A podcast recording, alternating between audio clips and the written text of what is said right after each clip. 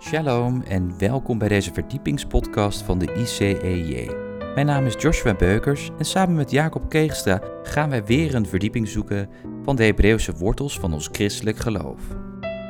In aflevering 216 gaan wij het hebben over de situatie in Israël in Bijbels perspectief. Wij wensen u veel luisterplezier.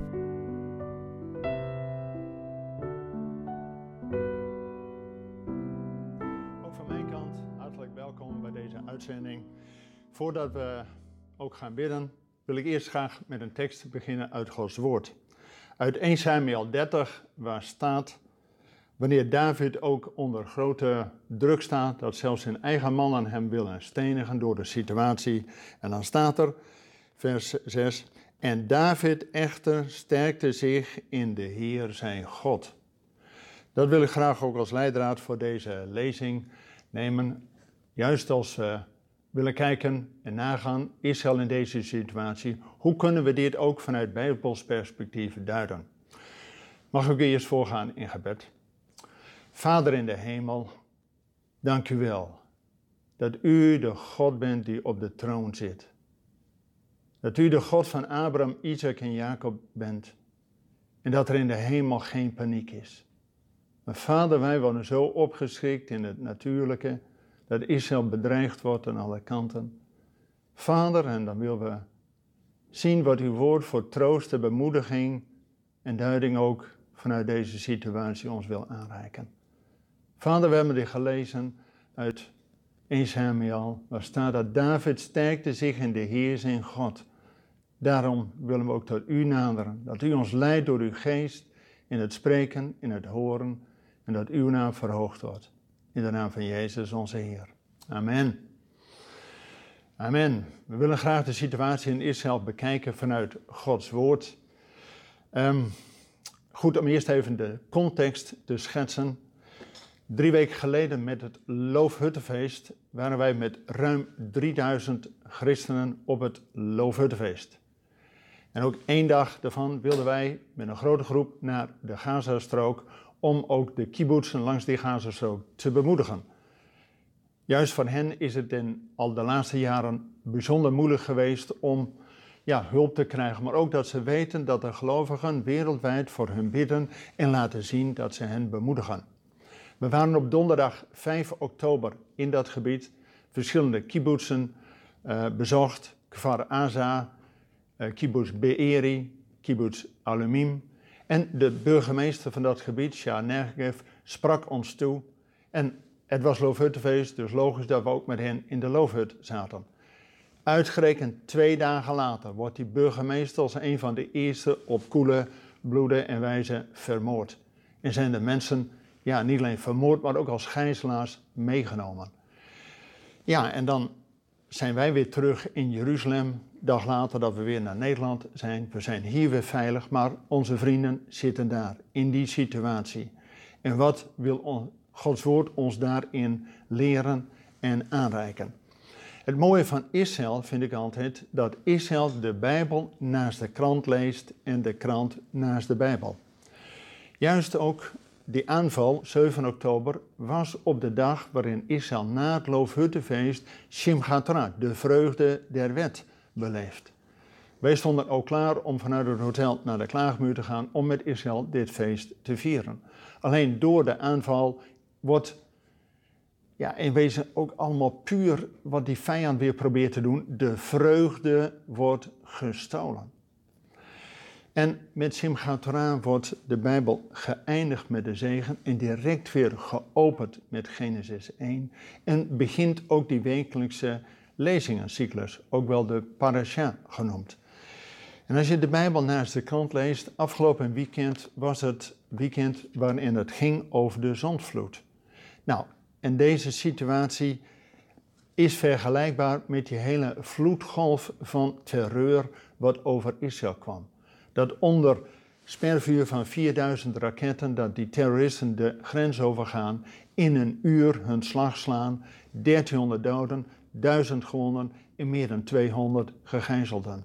En ja, wat zegt dan Gods woord daarin? Hoe kunnen wij bemoediging voor onszelf, maar ook bemoediging voor hen? Eigenlijk denk ik dat deze situatie met Hamas en Israël leest niet alleen de wet, maar ook de profeten. In de profetenlezing staat deze week: de weg is vol geweld. Daar staat in het Hebreeuws het woord Hamas, geweld. Dus hoe letterlijk kan ook de Bijbeltekst ons voorlichten over deze situatie? En weet u, eigenlijk is er niks nieuws onder de zon. Want een paar jaar geleden ging vanuit de Gazastrook werden de ballonnen opgelaten in het voorjaar om in het rijpe graan in Israël dood en verderf te stichten. Dat ze die ballonnen oplieten met vuurwerk, kwamen neer in de Israëlische graanvelden en de boel werd verbrand. Dat deden vroeger de Midianieten ook al. En toen Simpson hetzelfde deed en 300 vossen ving, twee aan twee staten aan elkaar bond, fakkelen ertussen en in het graan van de Filistijnen deed, vond men dat niet leuk. Nee, logisch niet. Maar nu zien we ook iets anders. Wat Hamas nu doet, lijkt mij zo duidelijk te vergelijken met de situatie dat Israël, die onderweg was vanuit Egypte op weg naar de Sinaï, dat God zijn volk in de bestemming wil plaatsen, maar dat Amalek hun aanvalt. Amalek, de kleinzoon van Esau, betwiste toen ook al het land en het gebied van Israël. En Amalek viel heel sneaky aan, niet via de voorhoede dat ze soldaat tegen soldaat, man tegen man vechten, zoals een eerlijke strijd betaamt. Nee, ze gingen aanvallen via de achterhoede, waar vrouwen en kinderen waren. En dat doet me zo uh, ja, overeenkomstig met de situatie nu, dat de Hamas kinderen en bejaarden aanvalt. Ze hebben zoveel kinderen gedood, bejaarden meegenomen als gijzelaars. Ook een jongerenkamp, wat daar bij de uh, grens van de Gazastrook gevierd werd op die dag, werden 250 jongeren in koele bloeden vermoord. Wat is dit? Is dit die geest van Amalek die ook zo duidelijk aanwezig was al in de Bijbel, maar als we het verhaal lezen uit Exodus 17, eh, dan is de situatie dat God zijn volk vanuit Egypte, vanuit die slavernij, naar een positie wil brengen bij de Sinaï, dat ze een volk van koningen en van priesters worden. Een volk goden ten eigendom. En dat ze de tien geboden, de tien woorden krijgen als leefregels voor het koninkrijk. Die ze in het beloofde land verder kunnen uitwerken. Maar de vijand wil niet dat Gods volk in zijn bestemming komt. En gaat dan aanvallen via de achterhoede. En dan staat er dat Mozes iets gaat doen. Hij weet dat het geestelijke en het natuurlijke met elkaar in verbinding staan. Hij stuurt Josia uit om met het leger fysiek te gaan vechten. Maar Mozes gaat de berg op en neemt de staf van God mee als een banier om daarin te proclameren dat God de overwinnaar is. Dat er in de hemel geen paniek is. Alleen Mozes is ook een mens. En op een gegeven moment wordt die man moe en laat hij de staf van God zakken. En dan lezen we in de tekst dat Jozef dan de overhand niet kon behalen. En wat doen dan Aaron en Hur? Die ondersteunen Mozes, zodat die banier van God omhoog blijft gaan. En daarmee Josia een overwinning kan behalen. En we naar dat plaatje zien, dat driemanschap wat op de berg zijn positie innam, dan is dat een les voor mij en hopelijk ook voor u. Want Mozes was de profeet van het Oude Testament. En Aaron was de priester, de hoge priester. En Hur was de stamvader van Juda, waar later de koningen uit naar voren komen. Dus welk driemanschap neemt zijn geestelijke positie in? Dat zijn profeet, priester en koning. En ook wij als gelovigen uit de volkeren, wij zijn geroepen tot een koninklijk priesterschap. Oftewel dat wij ook als een Aaron en een Hur Mozes ondersteunen, zodat de staf van God, het wapen van God, omhoog gericht wordt. En daarmee Josia, dezelfde naam als Yeshua Jezus, de overwinning in het fysieke kan behalen. En die geest van Amalek zien we door de Bijbel heen. Ook bij de eerste koning van Israël, Saul, had een gevecht met Amalek. Alleen hij vergat om de koning, de bron van het kwaad, te doden. En daarmee verliest Saul zijn koningschap. En in plaats daarvan wordt David eerst gezalfd en later gekroond. Maar in die tussenfase dat David al wel gezalfd is tot koning, maar nog niet gekroond is over het volk, moet hij zelfs vluchten voor Saul. En dan lezen we in 1 Samuel eh, 30 dat David ja, ook uh, in die zin vlucht voor Saul en zijn intrek neemt in Siklag. Dat is precies het gebied wat nu onder spervuur is, waar in de Gazastrook. En langs die Gazastrook. En op een gegeven moment, David en zijn mannen zijn op oorlogspand. En ondertussen worden de Amalekieten vallen Siklag aan, verbranden de stad, nemen vrouwen en kinderen mee als gijzelaars. En dan David en zijn mannen komen op een gegeven moment weer terug in Siklag en zien dat de boel verbrand is en zijn vrouw en kinderen zijn meegenomen als gijzelaars. Dat zelfs de mannen van David worden, ja, komen in opstand tegen David en willen hem eigenlijk stenigen. Nou, die situatie is ook nu, dat ook Israël en de regering, die wordt door allerlei regeringsleiders, die weten het allemaal beter, die weten allemaal precies hoe het moet, dat Israël eigenlijk, ja, dan noemen ze dat, proportioneel mag aanvallen. Mensen, waar spreken we over? Moet Israël dan eerst ook duizend kinderen het hoofd afhakken en bejaarden als gijzelaar nemen? Dit is een ongelijke strijd. Dit is een geestelijke strijd wat Israël overkomt. En we bidden toe, de leider ook van Israël, Netanyahu, dat hij net als een David mag zijn, dat hij zich sterkt in de Heer. En wat lezen we dan in 1 Samuel 30? Als David de moed opvat om die Amalekieten achterna te gaan, dan vinden ze een Egyptische slaaf die achter was gelaten door de Amalekieten. David en zijn mannen geven hem brood en eh, wijn om weer op krachten te komen. En dan helpt die Egyptische slaaf, helpt David en zijn mannen om de Amalekieten aan te wijzen waar ze zitten. En David overrompelt hen, dus die gaat ook de strijd aan met de Amalekieten en neemt alle vrouwen en kinderen weer terug.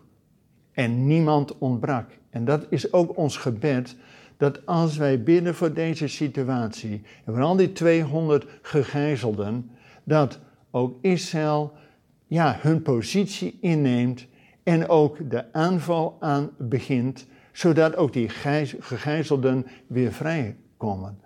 En dat is een bijbels ja, vergelijking die we hebben, wat David toen overkwam met de geest van Amalek toen.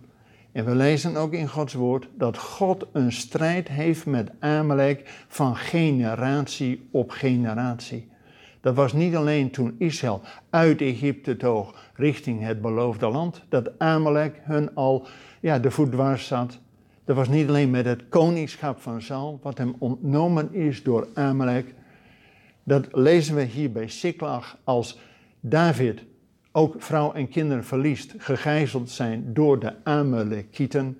En dit lezen we ook verder in de Bijbel bij het ja, Bijbelboek Esther, waarin er ook weer iemand uit die stam van Amalek, zeker Haman, wil het volk Israël doden. En dat zien we nu ook in onze situatie, dat allerlei demonstraties, Free Palestine. En dan niet alleen dat de Palestijnen een eigen staat willen hebben, nee, er moet Vanaf de Middellandse Zee tot de Jordaan moet Palestina heten. En er is geen ruimte voor Joden. Ik las vanochtend ook op de NOS-app dat een lezing in het herdenkingscentrum in Westerbork kan niet doorgang vinden om bedreigingen. Zover is het al in Nederland. Dat we ons bedreigd voelen en de waarheid wordt als eerste weggedaan. En dat we niet de waarheid kunnen spreken. En daarom willen we juist ook de waarheid uit Gods woord hebben, en ook wij als christelijke ambassade, zijn begonnen met niet alleen iedere dag te bidden, maar ook een Esther vasten uit te roepen.